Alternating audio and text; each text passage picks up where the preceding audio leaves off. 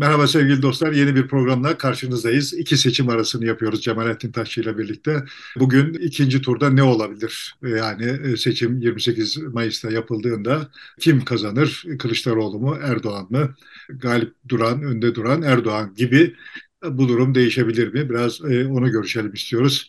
Milliyetçilerin ne yapacağı tabii burada biraz önemli gibi önemli gibi duruyor. Sinan Oğan'la herkes görüşüyor, görüşmeye çalışıyor. O da e, biz bu program yayınlandığında kararını vermiş olacak gibi gözüküyor. Evet, ikinci turda ne yaparız? Ne olur? Milletimiz nasıl bir karar verir? Şimdi önce bu programda bir çok spekülasyon yapacağım. Peşinden söyleyeyim. Bunların hepsi spekülasyon. Sadece fikir jimnastiği durumumuz, akıbetimiz hakkında fikir jimnastiği olabilsin diye konuşacağım. Biz bu programı çekerken henüz Akşener seçimden sonra hiç ağzını açmamış idi. Bu program yayınlandığında ağzını açmış olacak. Akşener bundan önce bir ağzını açtığında ortalık tarumar oldu, olmuş idi. Dolayısıyla programda söyleyeceklerim Akşener'in ağzını açmış olmasıyla tamamen manasız hale de gelmiş olabilir. yani onu da bir kenara yazayım. Şimdi seçim hakkında yani ikinci tur seçim hakkında durmadan hesaplar yapılıyor. Çok aritmetik yapılıyor yine. İşte Sinan Oğan vesaire üzerinden de çok aritmetik yapılıyor. İşte geçersiz oylar şöyle azalacak. Efendim şu kadar seçmen daha sandığa gidecek. Onlar da işte şunu tercih edecek falan. Temel varsayımlarından bir tanesi bunun, bu yaklaşımın. İlk turda Kılıçdaroğlu'na oy vermiş olup ikinci turda Erdoğan'a oy verecek olan kimse yoktur. İlk turda Erdoğan'a oy vermiş olup ikinci turda Kılıçdaroğlu'na oy verecek olan kimse yoktur veya bunlar ihmal edilebilir düzeydedir gibi bir varsayım var. Çünkü çok uzun süredir Türkiye böyle hepsi birbirine benzeyen aynı fabrikadan çıkmış Erdoğancılar ve bir başka aynı fabrikadan bir başka bir fabrikadan çıkmış Erdoğan muhalifleri var gibi bir yani iki kutuplu bir, iki zirveli bir dağılımı var Türkiye sosyolojisinin ama bu zirvelerin arası neredeyse boş gibi bir yaklaşımımız var. Durum öyle değil diyorsun. Değildir. Yani benim ölçümler yaptığım dönemde öyle değildi diyeyim. Bir sosyoloji normal şartlarda böyle bölünemez diye biliyorum. Türkiye'nin şartlarının normal olmadığını ve giderek anormalleştirildiğini de biliyorum. Bunu, bunu teslim ediyorum. Dolayısıyla aradaki kesimin oransal olarak ciddi ölçüde azalmış olduğundan şüphem yok ama bunun sıfırlanmadığını biliyorum sıfırlanamaz olduğunu biliyorum yani. Dolayısıyla şunu biliyorum demek istiyorum. Kılıçdaroğlu'na oy vermiş olanların Kılıçdaroğlu'na oy verirken ki kararlılıkları açısından bakıldığında o geniş bir yelpazedir. Hani bir skala itibariyle bakacak olsak yüzde yüz kararlılıkla vermiş olan vardır, yüzde altmış kararlılıkla, yüzde on kararlılıkla vermiş olan vardır. Benzer bir durum Erdoğan içinde vardır ve parlamentonun vesairenin netleşmiş olması şu 15 gündeki hava vesaire nedeniyle pekala birileri Erdoğan'dan Kılıçdaroğlu'na, birileri Kılıçdaroğlu'ndan Erdoğan'a geçebilir. Bir kere bunu bir ihtimal olarak aklımızda tutalım. Benim açımdan seçimin sonucunu bu geçişler etkileyecek. Şey etkilemeyecek. Sandığa gitmemiş olup da sandığa gidecek olanlar değil. Sinan Oğan'a oy vermiş olanlar ikinci turda ne yapacaklar değil. İki şey belirleyecek sandığa gitmiş olup ikinci seçimde sandığa gitmeyecek olanlar ve ikisinin arasında geçecek olanlar. Böyle bakınca şeyi tam olarak bilemediğim için son iki haftada olduğunu zannettiğim Erdoğan'a oy verme iştiyakının son iki haftada gerçekleştiğini zannediyorum bunun. Bu iştiyakın insanları neden motive ettiğini çok iyi bilemediğim için ve bu iki seçim arasında o motivasyon erozyona uğrar mı uğramaz mı tahmin edemediğim için Orada karar verip aslında sandığa gitmeyebilecek iken sandığa gidip Erdoğan'a oy vermiş olanlar bu arada bundan vazgeçebilirler mi? Ya da ne kadar vazgeçer? Ne kadar Erdoğan'a oy vermiş olanlar ne kadar sandığa gitmekten vazgeçer? Tahmin etmektir acizim. Ama Kılıçdaroğlu'na oy vermiş olup sandığa gitmeyecek olan ciddi bir nüfus olacağını tahmin ediyorum. Ciddi bir oran olacağını tahmin ediyorum. Şu anda ölçülse bu 7-8 puanı bulur, rahat bulur yani. Ama biraz Ama düşer, seçime doğru. Seçime doğru biraz düşer diye tahmin ediyorum. Dolayısıyla şimdi aritmetiğiyle baktığımız zaman hikayeye benim açımdan seçimin sonucu tahmin edilemez. Ama Kılıçdaroğlu'nun kazanması ihtimal dahilindedir. Küçük bir ihtimaldir ama ihtimal dahilindedir. Aksi halde yani bizim temel bu hani çok yaygın varsayımlarla hesap yapılacak olsa Erdoğan'ın yarım puana ihtiyacı var. O yarım puanı takviye etmek çok daha kolay diye bakmamız gerekir ve neredeyse imkansız görmemiz gerekir Erdoğan'ın kaybetmesini. Şimdi ben ama asıl derdim ciddi bir spekülasyon yapacağım. Diyelim ki bir özne var Türkiye'de ve sandığa giren oylar ne olurlarsa olsunlar sandıktan çıkanı dizayn etme kabiliyetine sahip. Yani hani bu komplo teorilerinin bir geçerliğin olduğunu varsayalım. Böyle bir özne olsun. Sonucu değiştirmeye, tayin etmeye hevesli bir grup daima vardır. Ya da hazırlıklı bir grup vardır. Hayır, yani onun sonucu değiştirmeye hevesli olması başka. Buna kabiliyeti olduğunu varsayalım. Yani varsayalım ki 13 Mayıs'ta birileri oturdular bir masanın başına ve dediler ki yani bu seçim şöyle bitsin. Öyle dedikleri zaman seçimin öyle bitmesini sağlayabilecek kadar güçlü olduğun olan bir grup olsun. Bu grup Erdoğan'la da yola devam etme hevesinde olsun, niyetinde olsunlar yani. O grubun Erdoğan'ı ilk turda seçtirmeyip böyle 49,5'ta bırakması çok anlaşılır bir şey.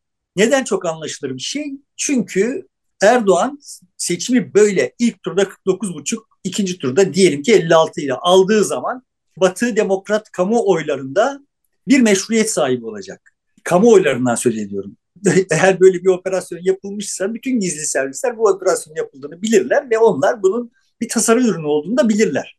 Ama kamuoylarında evet bak orada Erdoğan diye bir adam var ve bu adam gördüğünüz gibi ilk turda barajın altına kaldı ama ikinci turda kazandı. Demek ki yani bizim bu adamla iş tutmamızda bir e, şey yok. Yani me- meşru bir lider bu adam. Bu ülkenin meşru Erdoğan Cumhurbaşkanı. Da, Erdoğan da kendisini öyle savundu zaten. Hani diktatör diyorsunuz da hangi diktatör ikinci tura gider ki e, diyerek benim diktatör olmadığını kanıtlamış oldu ikinci tura giden e, bir Erdoğan profiliyle. Evet. Ve şimdi bu durum kimin elini rahatlattır? Böyle böyle olacak olursa yani şimdi yüzde 49,5'da bitmiş ikinci turda yüzde 56 ile 54 ile 57 ile neyse Erdoğan almış. Kimin elini rahatlatır? Erdoğan'ın elini rahatlatır. Türkiye'nin elini. Erdoğan'ın elini rahatlatır. Bir miktarda Türkiye'nin elini rahatlatır. Erdoğan'ın elini rahatlatacak bu kesin de. Yani Erdoğan kiminle iş tutarken o e, iş tuttuklarının elini rahatlatır. Avrupalıların evet. elini rahatlatır. Şimdi hesabı böyle yapalım. Benim kafamda bu e, soru işareti oluşmasına sebep olan şey Rus basından haber verirken Hakan Aksay'ın Rus basınında beklenmedik bir şey oldu, şöyle şöyle bir şeyler oldu demesi oldu. Ben Rus basını takip edebilecek durumda değilim. Onun söylediklerine itimat ediyorum. Benim anladığım bu seçimin böyle ilk turda Erdoğan'ın az farkla, çok az farkla kazanamamış olmasının Avrupa'nın Erdoğan'la iş tutmasını kolaylaştıracak olmasından Rusya'nın rahatsız olduğu sonucunu çıkartmama sebep oldu. O yüzden bu spekülasyonu yapıyorum. Tamam yani ortada bir dizayn olsa da olmasa da olmadığını düşünüyorum. Kimsenin sandık sonuçlarını dizayn ettiğini düşünmüyorum. Evet. Ama buradan şuna işaret etmeye çalışıyorum. Seçim sonrasına yönelik biraz kafa yormamız gerekiyor ve belki de ilk turu dizayn etmemiş olanlar ikinci turu bu kafayla dizayn etmeye de kalkabilirler diye bir tür uyarıda bulunmaya çalışıyorum. Yani spekülasyon üstüne spekülasyon yapacağım yani. Avrupa ya, şimdi Türkiye mesela Avrupa Konseyi'nde daha yeni toplantıda e, yaptırım kararına itiraz etti Rusya'ya Avrupa Konseyi'nin katılmadı yani. Şimdi zaten ben de oraya varacağım yani. Sonuçta üç parçalı bir dünya. Çin'i saymazsak yani burada Ukrayna Savaşı etrafında kristalize olan üç parçalı bir dünya olmaya başladı. Giderek böyle oluyor. Yani bir tarafta Birleşik Devletler var. Bir tarafta başında daha en başında Birleşik Devletler'in kuyruğuna zoraki katılmak zorunda kalmış Avrupa Birliği var ve bir tarafta Rusya var. Şimdi benim gördüğüm, benim hissettiğim tablo Avrupa Birliği Birleşik Devletler'in nasıl diyeyim kıskacını gevşetmeye çalışıyor. Evet. Rusya'nın yanına geçmek gibi bir derdi yok ama biraz daha kendine özel bir alan yaratmaya çalışıyor diyelim. Bunun için çaba harcıyor ve Türkiye'nin burada böyle bir Erdoğan yani ilk turda kazanamamış, ikinci turda kazanmış bir Erdoğan'la veya ikinci turda kaybetmiş bir Erdoğan'la, Kılıçdaroğlu'yla yani e, yol alması şöyle söylemeye çalışıyorum. Sonuçta Kılıçdaroğlu'yla devam edecek olsaydı Türkiye bu Avrupa'nın işine gelirdi. Eğer denklem böyleyse kendine özel bir alan açmaya çalışan Avrupa'yı güçlendirecek bir oyuncu olabilirdi Türkiye. Ama illa Erdoğan'la devam edilecekse onun ilk turda kaybetmiş, ikinci turda kazanmış bir Erdoğan olması Avrupa liderlerinin elini rahatlatır. İşaret etmeye çalıştığım şey bu. Dolayısıyla Avrupa'nın Birleşik Devletler'den özelleşmesi Rusya'nın işine geliyor gibi görünse de o özelleşmenin Türkiye'yi kendi yanına çekmesi Rusya'nın işine gelmiyor. Derdimi anlatabildim mi bilmiyorum. Ve Rusya'nın hikayeyi böyle okuduğunu, Kremlin'in hikayeyi böyle okuduğunu zannediyorum. Yani Rusya basını dediği şeyin aksayın aslında Kremlin basını olduğunu düşünüyorum ve Kremlin'in hikayeyi böyle okuduğunu ve Erdoğan'a yani bak tamam hani sen bu hikayeyi nihayete erdirecek olursan eğer o nihayete erdirdiğin zaman böyle Avrupa'nın elini güçlendirecek ona bir alan açacak şekilde beni satarak bir iş yapmaya kalkma demeye çalışıyor. Sonuçta Türkiye'nin Avrupa Konseyi'nde Rus yaptırımlarına hayır demesi falan falan Avrupalıların Birleşik Devletler'den özelleşme çabasına destek olan bir şey. Evet. Yani şimdi bunu Fransa söylediği zaman Birleşik Devletler nezdinde başka bir şey.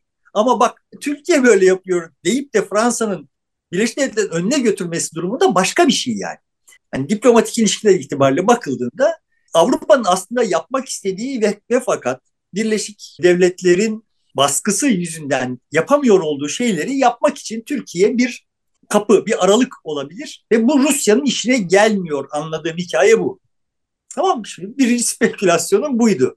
E, bu durumda ee, Kılıçdaroğlu Rusya'yı hedef göstermişti bu sosyal medya operasyonları için. O boşa düşmüş oluyor. ya boşa düşmüş olsun. Rusya orada onları yaparken hesap böyle değildir. Şimdi bugün değişmiştir, yarın bir daha değişir filan. Ama Erdoğan'ın Avrupa'ya ihtiyacı var. Avrupa'nın daha önce konuştuk. Avrupa'nın Erdoğan ihtiyaçlarını karşılayabilecek kapasitesi yok. Ama Erdoğan'ı kullanmak isteyeceklerdir çok fazla bir şey vermeden ve onların işine gelir. En azından en azından göçmenler için bir e, duvar olmasını isteyeceklerdir. Ay zaten birçok başka şey mevcut statüko açısından zaten durum öyle de buradan sonrasına yönelik ve bilhassa da Rus-Ukrayna savaşı ekseninde oluşuyor olan, gerçekleşiyor olan gelişmeler açısından bakıldığında ilave bir şeylerden söz ediyorum yani. Şimdi gelelim olayın daha karmaşık işlerine. Ben şimdi sana şöyle bir senin çok hoşuna gideceğini tahmin ettiğim soru sorayım. Bahçeli kendisi değilse de galiba kendisi de söyledi de ama partisi bariz bir biçimde Sinan, Sinan Oğan'a git başka yere dedi. Yani bizim Süleyman Demirel'den mülhem bizim mahallemize gece kondu kurdurmayız. Bizim arazimize gece kondu kurdurmayız dediler yekten yani ve bu da istiskal anlamına gelecek şeylerle de söylediler. Evet, Birkaç doğru, kere... doğrudan söyledi. Bahçeli yani olmayan gücünle e, gidip pazarlık yapıyorsun diyen bir e, onu bir eleştiren tutumdu. Yani ya, bizim evin kapısını çalma, buraya gelme, mahallemize de girme diyen bir şeydi. Ama Sinan Oğan biz bu programı çektiğimiz sırada Erdoğan'la görüşmüş idi ve işte görüşmenin sonrası hakkında iki tarafta bir açıklama yapmamıştı ve piyasaya salınan e, ifadelere göre görüşmeye Erdoğan talep etmişti. Evet. Tamam. Şimdi eğer biz bu programı çek, yayınlayana kadar olmadı diyelim ama mesela salı günü Bahçeli ben Erdoğan'dan desteğimi çektim derse ne olur? Biter. Ne biter? Erdoğan'ın Cumhurbaşkanlığı biter. Kaybeder yani. Çünkü yani o... çünkü yani kendi tabanı bunu dinler, e, zoraki veriyor. Yani oy verdirmesi için zorluyor tabanını Bahçeli Erdoğan'a. E şimdi serbestsiniz çocuklar dese bile yeter.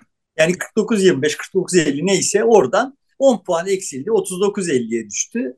Düşer. Yani ben de MHP'ye oy vermiş olup Erdoğan'a oy vermiş olan kişi öyle görünüyor ki neredeyse tamamı. Yani en azından 9,5 puanı vermiş gibi görünüyor. Aritmetiği öyle yani. Çok emin olamasak da. Bunlar hemen hemen hiçbiri vermez Erdoğan'a. Ben de o, o kanaatteyim. Ve Erdoğan çok zor bir sıfır noktasından başlamış olur. ben de böyle düşünüyorum yani. Eğer onlar bir de Kılıçdaroğlu'na oy verecek olurlarsa yani 39 buçuğa, buçuğa 55 buçuk gibi bir yerden başlayacak bir e, seçimi o kalan bir hafta içinde değiştirecek herhangi bir dinamik benim de aklıma gelmiyor yani. Şu varsayımlarla. Bahçeli bu işi yaptığı halde Yeşil Sol Parti'nin de hala Yeşil Sol Parti seçmeninin de hala Kılıçdaroğlu'nu desteklemesi şartıyla. Aradaki makas çok muazzam büyür. Şimdi böyle bir şey olabilir mi? benim kafamı kurcalayan iki tane çok temel mesele var. Bunların birincisi cevabını bilmediğim soruların bir tanesi buydu yani. Sinan Oğan'ı niye bu kadar şehvetle karşı tarafa itiyor Bahçeli? Hadi tamam Bahçeli bu şehvetle karşı tarafa itiyor. Erdoğan da itiyor olsa o zaman anlaşılır. Bunun bir Hı? O zaman anlaşılır. Tam tersi İbrahim Kalın, Binali Yıldırım dedi ki iyi çocuktur biz onunla anlaşırız beraberiz falan gibi laflar ettiler e, beraber olmaya dair. Hatta Numan Bey de aynı şeyde aynı şekilde davrandı. Yani şimdi şunu kimsenin zihninde şöyle bir şey oluşmasını istemem. Sinan Oğan AKP ile anlaşacak veya e, AKP Sinan Oğan'ı da kendisiyle anlaşılabilir buldu diye Bahçeli böyle bir şey yapacak manasına söylemiyor. Yani Bahçeli zaten böyle bir şey yapacak. Bunu taşlarını döşüyor olabilir manasına söylüyorum yani. Bu kadar şiddet, şiddetli bir şekilde Sinan Oğan'a yani bu daha müeddep bir edayla yapılabilir bir şeydi. Ama böyle, böyle kışkırtıcı bir şey var. Midemi yani, bulandırıyorum. Şimdi Hüdapar'ın AK Parti listesinde yer alması, ittifakın bir parçası olmasına ses etmemiş olan bir MHP ve Bahçeli bu konuda da pekala istese sessiz kalabilirdi. Evet. Hadi ses çıkartmak zorunda kaldı diyelim. Bunu daha müeddep yapabilirdi. Ama böyle sanki bir şey kaşımak istiyor gibi. Yani öyle bir şey hissediyorum. Dolayısıyla kafamda bir soru işareti var. İkinci bir soru işareti şu. Türkiye'de yıllardır herhangi bir PKK operasyonu yok. Seçimin hemen akabinde beş gencimizi şehit verdik. Evet. Bir PKK operasyonunda. Şimdi bu çok anlaşılmaz bir şey mi? Değil. Yani seçim ikinci tura kalmış. Erdoğan'ın oya ihtiyacı var ve işte Kandil ya biz biz ne yapalım bizim de üstümüze bir vazife düşüyor demiş olabilir de bunu yapabilir yani. Benim gördüğüm kadarıyla bu işte Yeşil Sol Parti'den bir reaksiyon gelmedi. Bilmiyorum yani geldiyse. O da bir soru işareti olarak duruyor ama esas soru işareti şu. Tam bu ortamda böyle bir ikinci tura gidiyor iken AKP niye bunu köpürtmedi? Evet o da cevabın, bir cevabın var mı bunun? e, yok sanki böyle bir olay olmamış, şehit yaşanmamış gibi bir tabloyla karşıya karşıya kaldık. Hatta yani benim ihmalim ben e, bu tür şehit olayların sonradan öğrendim. Onu da şöyle öğrendim. Tokat'ta Kılıçdaroğlu çelenk göndermiş şehit e, şeyine cenazesine o çelenk param, paramparça edilmiş. Allah Allah bu şehit ne zaman oldu diye merak edip öyle öğrendim olayın gerçeğini. Ya şimdi normal şartlarda neyi bekleriz? Ben neyi beklerdim? İzleyiciler beklemiyor olabilir ama ben şunu beklerdim. O şehit cenazelerin her birisi bir mitinge dönüşmesi gerekirdi. Olmadı yani. Şimdi muhalefetin aslında bunu kullanması gerekirdi. Kullanamadı. Yani uygun bir şeyle bunları kullanması gerekirdi. Bunun yolunu bulamadı, kullanamadı. Tamam. Yani korktular diyelim falan. Peki yani iktidar cenahı bu işin üstüne niye gitmedi sorusu benim kafamda. Yani işte zaten işler yolunda bir de böyle hani suyu bulandırmayalım demiş olmalarını beklemek çok bana mantıklı gelmiyor yani. Çok çünkü işler o kadar yolunda değil. Niye? Yani neredeyse e, Kılıçdaroğlu'na oy veren herkesi PKK'cı, FETÖ'cü, Amerika ile işbirlikçisi ilan ettiler. Yani bu bu konuyu da pek köpürte köpürte kullanırlardı yani. Evet yani dolayısıyla şimdi bu yüzden ben bu ikinci turun çok normal bir tur olmayabileceğini yani böyle kendiliğinden, kendi dinamikleriyle gelişen bir şey olmayabileceğini hissediyorum. Bu yüzden spekülasyon yapıyorum. Yani tekrar izleyenleri uyarayım. Bak böyle böyle tuhaf işler olacak manasında söylemiyorum. Olursa şaşırmayacağım manasında söylüyorum yani. Burada benim bulduğum ne olabilir diye benim bulduğum cevap Bahçeli bu ittifakı bozabilir. Bahçeli'nin böyle bir ittifakı şimdi şu tarihte bozmasının ne manası olabilir diye kafa yordum. Dolayısıyla akabinde yani. Şimdi tuhaf bir meclis aritmetiği oluştu yani. İşte AKP'nin 268, Yeniden Refah'ın 5 milletvekili var 273 yapıyor. CHP kendi içindeki milletvekili yavrularını yavruladı, yavruladığı zaman geriye kalan sıkleti 131 milletvekili yanlış hesaplamadımsa. Geriye kalanlar ciddi ciddi büyüklükler yani. Deva 14, Gelecek 10, Saadet şey 10, evet. Saadet 10 falan. Şimdi bunların kiminle ne yapacağı konusunda çok ciddi belirsizlik var. Orada böyle tuhaf bir parçalı bir yapı var. Kendi aralarında saadeti filan saymıyor. Deva ile gelecek birbirlerine düşebilirler filan. Yani bir zamanki doğru yol ANAP gerilimi gibi bir gerilim doğabilir aralarında. Bu tarafta da MHP'nin 50 milletvekili İyi Parti'nin 43 artı 1 toplam 44 milletvekili var doğru hesapladımsa. Bir de bunlardan bağımsız Yeşil Sol Parti'nin 61 şeyin 4 milletvekili var. Tipin 4 milletvekili var 65. Yani şimdi eğer MHP ve İyi Parti bir araya gelirler ise o zaman hani bu piyasaya salınmış olan milliyetçilik yükseliyor. Hmm. Lagalugası birdenbire bir ete kemiğe bürünüyor. Yani Akşener tasfiye edilebilirse ve Bahçeli böyle bir çıkışı yaptıktan sonra malı muhtemet birisine devredip MHP ve İyi Parti'den seçilmiş milletvekillerini bir araya getirebilirse milliyetçi blok parlamentoda çok ciddi bir güce sahip olacak. Tabii öyle. Asıl mühimi, asıl mühimi Kürtleri fena halde dövebilecek bir güce sahip olacak. Yani herhangi bir karar için pazarlık yapılıyor olduğu durumda Kürtler çok eli kolu bağlı olacaklar yani. Halbuki biz ne diyorduk? İşte Kürtler anahtar olacak her durumda. Ee, evet. Cumhur İttifakı bir kanun çıkaracaksa Yeşil Sol'a gidecek. İşte Millet İttifakı bir kanun çıkaracaksa Yeşil Sol'a gidecek diyor idik. O kimin yanında yer alırsa kanun o yönde çıkacak. Ama şimdi başka alternatiflerin olabileceği bir e, parlamentoyla karşı karşıyayız.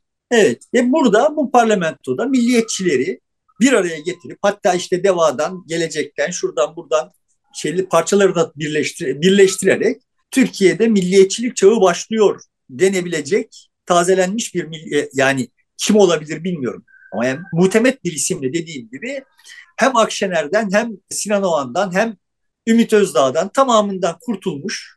Hem de Tuğrul Türkeş'i de içine almış olan. Tuğrul Türkeş ilk kurşunu atan olduğu için onun burada kim vurduya gideceğini düşünüyorum yani. Aslında böylelikle Tuğrul Türkeş'i de zımbalamış oldular diye düşünüyorum. Ay Yüce Dolayısıyla... Türkeş var bu sefer. Hı?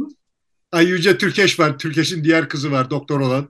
Olabilir. Ama sonuçta böyle bir hani e, hanedan görüntüsü verecek bir şey YTV'siyle derlerse başlarken öldürmüş olurlar onu evet. ama bilmiyorum yani sonuçta böyle bir hesap bana çok olmaz bir şeymiş gibi görünmüyor. Dolayısıyla şimdi bütün bu olabilirlikler varken sadece böyle sandık sandık kendi dinamikleriyle işte seçmen şöyle karar değiştirecek de şu kampanya böyle sonuç verecek filan diye ikinci tur tahmini yapmak her ne kadar sonuçta geride kalmış olan sadece 7 gün olsa bile biraz erken görünüyor bana. Bu nedenle böyle hani Akşener'in açıklamasını falan beklemeden bu programı çekelim dedim. Ve eğer Akşener böyle bir tezgahın farkındaysa biz bu programı yayınladığımızda fena bir gürültü kopmuş olabilir. Bak yani bir tuhaf eşikteyiz gibi görünüyor. Şimdi diyelim ki Bahçeli uzaklaştı Erdoğan'dan. İyi Parti'de Kılıçdaroğlu'ndan uzaklaştı. Bu durumda iş biraz karışır ama herhalde Erdoğan yine kaybeder. İyi Parti'nin zaten seçmenin önemli bir bölümü Kılıçdaroğlu'na oy vermemişti. Evet. O, o seçmen ne Erdoğan'a git oy ver dediğin zaman vermez. Evet. Ama Milliyetçi Hareket Partisi'nin seçmeni tamam Erdoğan'a oy vermiyoruz ve vermek zorunda değiliz dendiği anda zaten kendiliğinden Kılıçdaroğlu'na oy vermeye gider. Yani işareti böyle okur zaten. Yani evet. o işaret bu manaya geliyordur ve öyle okur.